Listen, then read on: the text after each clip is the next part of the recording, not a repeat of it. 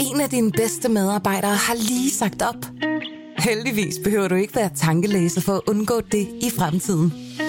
WinningTemp indsamler data gennem hyppige og anonyme medarbejderundersøgelser, så du lettere kan mærke pulsen på dine medarbejdere og støtte der, hvor der er behov. Kunder som Alfa Laval, Orkla og Volvo bruger allerede WinningTemp og ser, at det øger trivsel, reducerer turnover og hjælper med at fastholde talenter. Få gratis gennemgang allerede i dag på winningtemp.com. Berlingske. Michael Lund, i 2017, der kunne du og dine berlingske kolleger Eva Jung og Simon Bensen afsløre, at der i en årrække var foregået massiv hvidvask via Danske Banks estiske filial. Officials just announced that Denmark's largest bank has pleaded guilty after the U.S. accused it of using the American financial system to facilitate money laundering on a massive billion dollar scale. I vandt Kavlingprisen for den afsløring, og I udgav bogen Beskidte milliarder. Danish lender Danske Bank says billions of euros flowed through its accounts from Russia and ex-Soviet states. Og den havde en undertitel, som jeg lige vil vende med dig her. Den hed, Da Danske Bank blev centrum i verdens største hvidvasksag. Men det er ingen tvil om, at omfanget ser ud til uh, at være større uh, end, det vi tidligere har uh, antaget. I forhold til Danske Bank-sagen, hvor stor er skandalen muligvis i Nordea? Ja, se fra et dansk synspunkt er den jo i hvert fald på nogle områder øh, endnu værre, ser det ud til. Hvad? En bankskandale, der muligvis er endnu værre end Danske Banks hvidvasksag? Fortroligt materiale fra Finanstilsynets inspektioner, som mine kolleger Julie Søltoft og Michael Lund er kommet i besiddelse af, gør det endnu mere tydeligt, hvor groft Nordea brød eller ignorerede de regler, der skal forhindre kriminelle og terrorister i at hvidvaske penge. Nordeas forsømmelser var så omfattende, at Finanstilsynet politianmeldte banken i 2016. En af de eksperter, jeg har talt med om sagen, og som vi også har vist dele af materialet til, er en, en fyr, der hedder Jakob Dedenruth Bernhoff, som er hvidvask-ekspert. Eh, han siger, at det her det er noget af det, det mest alvorlige, han nogensinde har set. Men i dag, over syv år senere, er sagen stadig uafklaret. Velkommen i Pilestræde.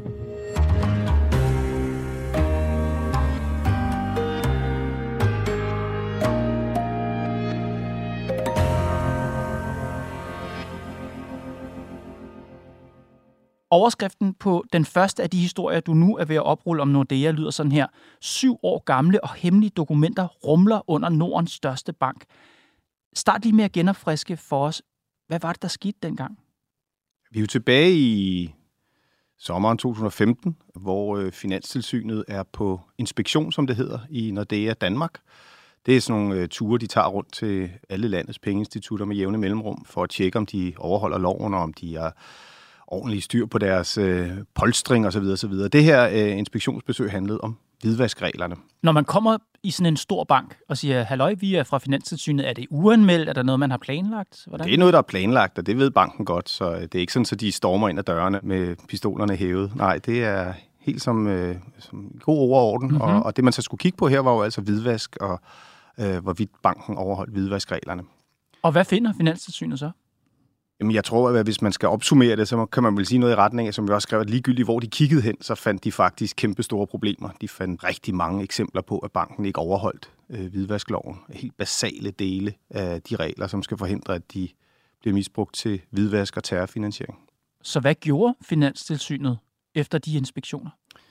De tog et øh, ret øh, uhørt skridt, altså udover at de gav en masse påbud til banken om, at de skulle bringe de her ting i orden med det samme, så tog de det ret, hvad skal man sige, ekstraordinære skridt at melde banken til politiet. Og du siger ret ekstraordinære. Kan du prøve at det er meget sjældent, det sker i Danmark, at øh, Finanstilsynet øh, anmelder banker til politiet for brud på loven. Og hvad var det præcis, de mente, de havde forbrudt sig mod? Det var en lang stribe af brud på hvidvaskloven. Det var jo alt lige fra, at man ikke havde styr på sine kunder, man havde ikke kontrolleret de kunder, øh, man havde, som man skulle, altså havde styr på, øh, hvilke ejere der var af de selskaber, man havde, øh, hvor øh, deres penge kom fra, hvor, hvad de tjente deres penge på, hvilke forretningsområder de arbejdede inde i. Øhm, og så havde man ikke styr på, på transaktionerne, altså man overvågede ikke, hvad der skete på kundernes konti, og det var på tværs af en, en lang række emner. Det drejede sig blandt andet om, om nogle valutavekslingsbyråer, man havde i banken. Det drejede sig om nogle russiske kunder, man også havde i den danske bank. Så drejede det sig om samarbejdet med udenlandske banker, man kalder dem korrespondentbanker. Så det var en lang stribe af områder, hvor banken simpelthen ikke levede op til hvidvaskreglerne. Og den politianmeldelse, den skrev Berlingske og andre medier jo allerede om tilbage i 2016. Nu skriver du og Julius Søltoft om det igen. Hvad er det nye? Det nye er, at vi som det første medie har fået lov at kigge på noget af det materiale, som lå til grund for politianmeldelsen. Altså vi kan simpelthen se, hvad det er, Finanstilsynet de fandt ud af, da de var på inspektionerne der i 2015 og 2016. Og jeg synes, du skal, så vidt du kan, prøve at tage os med på de her inspektioner. Fordi de notater, du har, er jo det, som Finanstilsynets folk har skrevet på baggrund af de besøg. De kommer ind i banken, de ser alt muligt. Prøv at tage os med på de inspektioner. Jamen, det er jo... Øh foregår jo som de inspektionsbesøg øh, normalt gør, hvor man, man sætter sig ned øh, sammen med, med, med folk i banken, og så begynder man at kigge igennem øh, materiale, som, som der ligger på de forskellige typer af kunder. Og så spørger man så ind til det, og man finder ud af, at øh, øh, altså spørger ind til, om banken har styr på, på, på kunderne og har foretaget de nødvendige kontroller, om der er styr på transaktionerne osv. osv. Og langsomt så går det op for Finanstilsynet, kan vi se materiale, at, øh, der er simpelthen rigtig mange steder, hvor der ikke er styr på det. Jeg kan for eksempel læse op fra nogle af de her materiale, vi har, hvor øh, Finanstilsynet har været inde og kigge på nogle russiske kunder øh, og set, hvordan når det har kontrolleret dem, og det har de altså ikke gjort ordentligt, og øh, Finanstilsynet konkluderer simpelthen ret øh, voldsomt. Finanstilsynet finder i de to ovennævnte eksempler en videre, at dette har medført en betydelig risiko for, at banken reelt er blevet misbrugt til hvidvask, skriver tilsynet. Så banken har med andre ord tjusket med deres kontrol af kundegrupper, og det betyder, siger tilsynet, at der kan være foregået ting, der er alarmerende. Men de stopper jo ikke der. Ja, altså en ting er, at man ikke har haft styr på sine kunder, man har ikke kontrolleret dem ordentligt, men øh, den løbende overvågning af, hvad kunderne laver, har man jo heller ikke haft styr på, og det kan måske være endnu mere alvorligt. Et af de ting, som tilsyn slår ned på, er, at man har haft sådan nogle alarmer, som hele tiden er bimlet og bamlet, at transaktionsalarmer kalder man dem. Det er simpelthen alarmer, som et IT-system de giver, når de kan se, at der sker noget mistænkeligt på kundernes konti.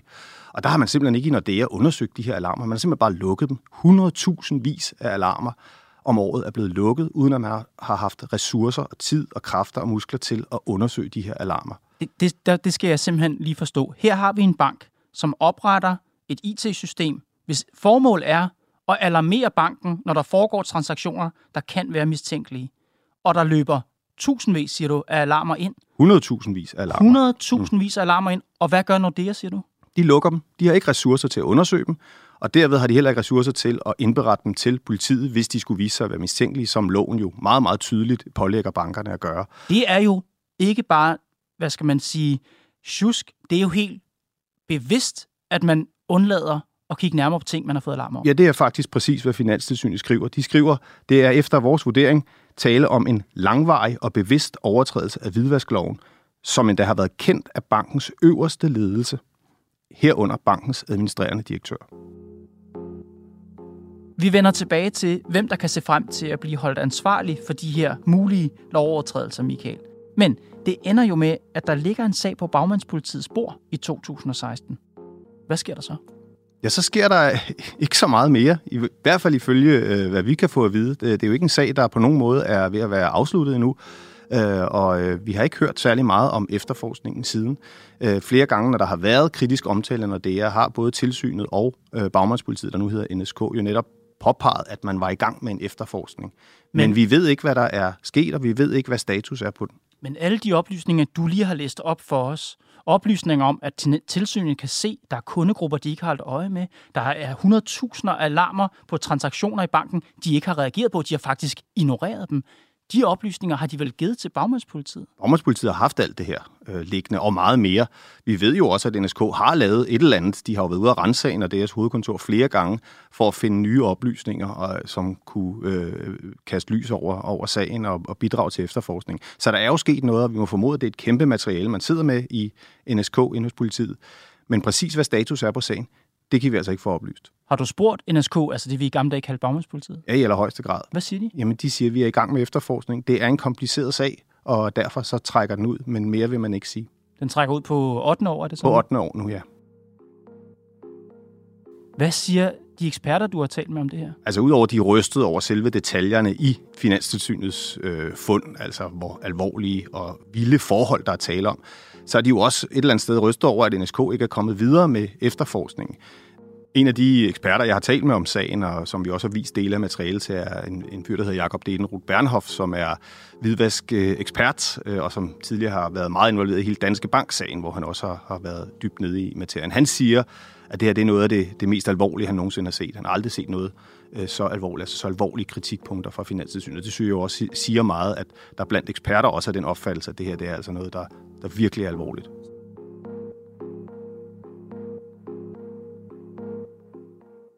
Vi startede med at sammenligne den her Nordea-sag med hvidvaskskandalen i Danske Bank. Den blev afsluttet for godt et år siden, i december 2022. Hvorfor tager det længere tid at få efterforsket og retsforfulgt Nordea? Det er et rigtig godt spørgsmål. Det synes eksperterne jo også. Og øh, svaret er øh, desværre, at vi ved det ikke rigtigt. Øh, noget tyder på, at Danske Bank-sagen, øh, da den begynder at rulle i 2018, lægger beslag på rigtig, rigtig meget tid inde hos NSK, inde i bagmandspolitiet, og at øh, det kan være en mulig forklaring, at man simpelthen bliver nødt til at sætte Nordea-efterforskning på standby. Øh, en anden forklaring kan være, at det, det er en større sag, som også trækker tråd til udlandet, hvor udenlandske myndigheder er med indenover. Øh, det ved vi heller ikke, men om det er derfor, den trækker ud, det kan vi faktisk ikke rigtig finde ud af. Så faktisk kan det være din og Berlingske dækning af Danske Bank-sagen, som har gjort, at Nordea-sagen bliver forhalet? Det er en mulighed. Hvad er den grundlæggende forskel på de her to sagskomplekser? Altså det, vi ved om Danske Banks hvidvaskskandale, og så det her mulige brud på hvidvaskreglerne i Nordea. Hvad, hvad, er, hvad er forskellen på de sager? Altså, de er ret markante i forhold til, at Nordea-sagen jo er en sag, der finder sted i Danmark. Hvor Danske Banks sag var en øh, sag, der handlede om en kundegruppe, som var over i de baltiske filialer. Skandalen består i, at Danske Bank ikke har grebet ind, når lyssky penge fra selskaber i for eksempel Rusland er blevet sendt til banken i Estland. En ret stor kundegruppe, tusindvis af, af primært russiske kunder, som sendte meget, meget, meget store beløb igennem den estiske filial. Jamen så er det jo potentielt et meget større beløb. Herfra er de så blevet sendt på kryds og tværs, og så er de for eksempel endt et eller andet sted i et skattely. Og på den måde så har man fået sorte penge tjent ved kriminalitet til lige pludselig at ligne hvide penge tjent på lovlig vis. Så handler Nordea-sagen altså om kunder her i Danmark. Russiske kunder, man har haft i en afdeling i Danmark. Det er i hvert fald en del af, af sagen. Men så handler den jo også om alle mulige andre emner på tværs af den danske koncern. Øh, valutavekslingsbyråer, man ikke har haft styr på. Korrespondentbanker, som den danske bank ikke har haft styr på. Så en ting er, at den foregår her i Danmark, men den handler også om flere forskellige emner end Danske Bank-sagen. Kan man groft sagt sige, at hvor Danske Banks sag handler om en specifik kundegruppe i en filial i udlandet, så handler den her sag potentielt om hele Nordeas forretningsgang i alle deres filialer her i Danmark over en periode år. Den handler i hvert fald om bredere og flere forhold på tværs af den danske del af koncernen. Og det er derfor, du siger, at det her kan vise sig at være endnu vildere end Danske Bank-sagen. Det her kan i værste fald vise sig at være en, en større og vildere sag end Danske Bank-sagen, ja. Sagen med Danske Bank endte jo med en historisk stor bøde på 3,5 milliarder kroner. Uh, rent økonomisk, så er det selvfølgelig værd at tage og føle på, også for en stor bank som Danske Bank. Hvordan kan det her ende for Nordea? Ja, det var bare den danske del af bøden. Øh, derudover fik de jo meget, meget store del, øh, bøder i, i USA, så samlet var bøden jo 15, over 15 milliarder danske kroner til Danske Bank. Jeg synes, det er fair at sige, at det her det er en lussing, der kan mærkes. Øh, der er jo sat en bødestørrelse, der er en sådan størrelsesorden, at det gør ondt, og at man på ingen måde har kunne tjene penge på de her mistænkelige transaktioner.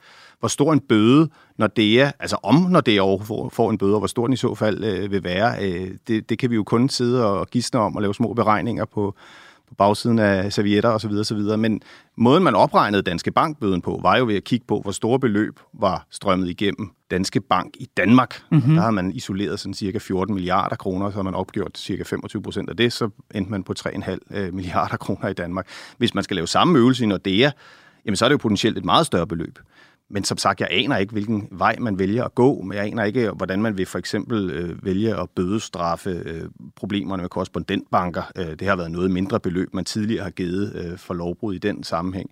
Valutavekslingsbrugerne har man heller ikke haft styr på. Hvordan vil man bødestraffe det? Og så er der hele det her spørgsmål om, hvorvidt der er personer i Nordea, som også skal retsforfølges. Det ligger jo også og, og, og rumler under hele sagen. Øh, vi ved jo, at, at tilsynet, det har mediet Finans blandt andet kunne beskrive, men vi ved, at, at politiet også har haft kig på nogle af de her tidligere chefer i Nordea, øh, om de på en eller anden måde var impliceret eller kunne retsforfølges på den en eller anden måde. Og apropos det, hvem havde det øverste ansvar for, hvad der foregik i Nordea i 2015-16? I den periode, hvor tilsynet kiggede på i de her rapporter, som ligger til grund her, det var fra 2012 til 2015, og det er tre personer, som har siddet i spidsen for Nordea Danmark i den periode. Og det var Michael Rasmussen, og det var Anders Jensen, og det var David Hellemann. Tre ret opsigtsvækkende personer, fordi de i dag sidder over i toppen af konkurrenten Nykredit.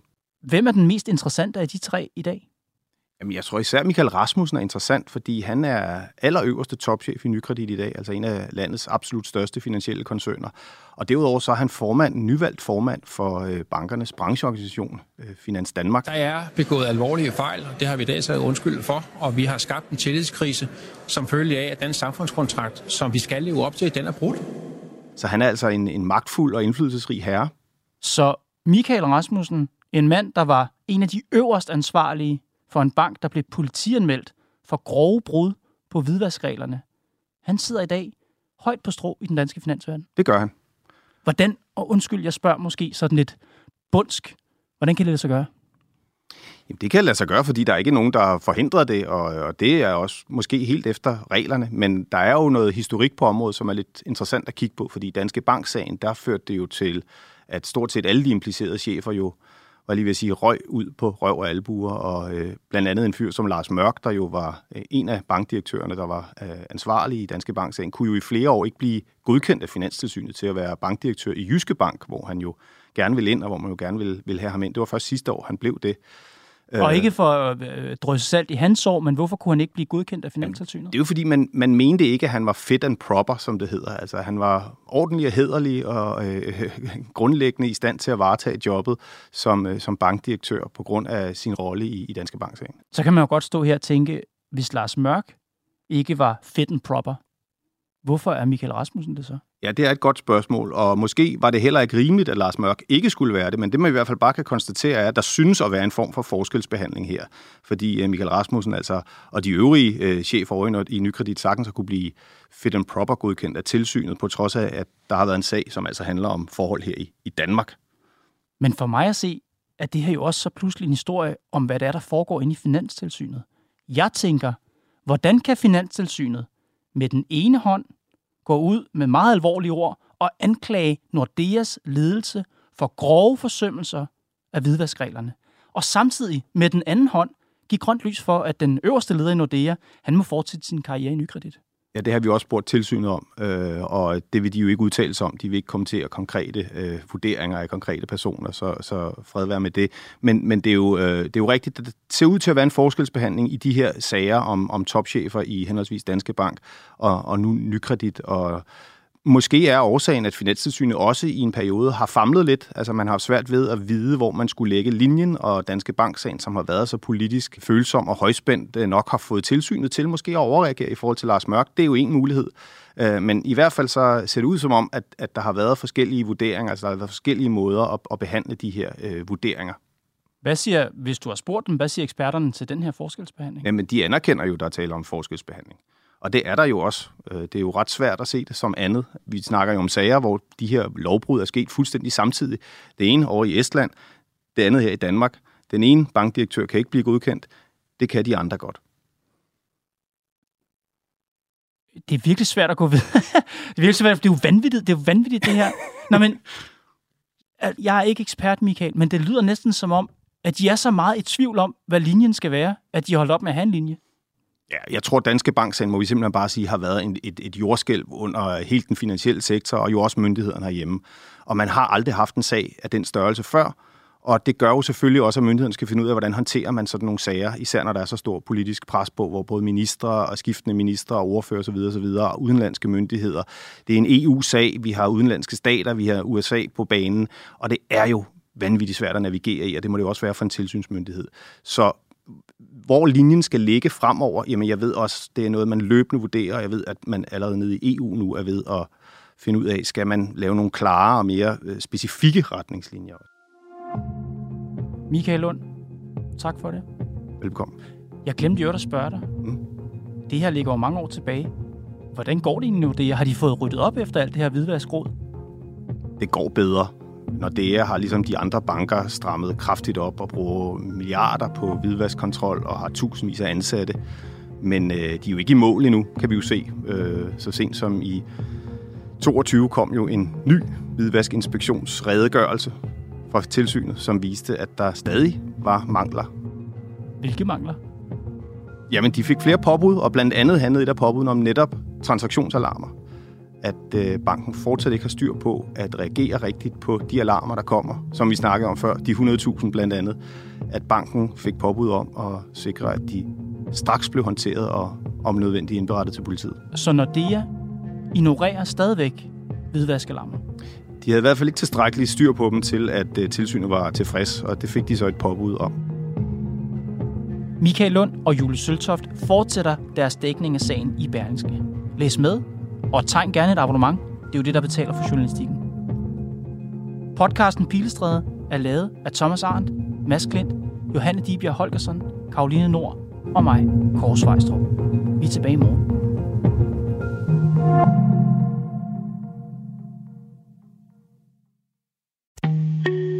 En af dine bedste medarbejdere har lige sagt op. Heldigvis behøver du ikke være tankelæser for at undgå det i fremtiden. WinningTemp indsamler data gennem hyppige og anonyme medarbejderundersøgelser, så du lettere kan mærke pulsen på dine medarbejdere og støtte der, hvor der er behov. Kunder som Alfa Laval, Orkla og Volvo bruger allerede WinningTemp og ser, at det øger trivsel, reducerer turnover og hjælper med at fastholde talenter. Få gratis gennemgang allerede i dag på winningtemp.com.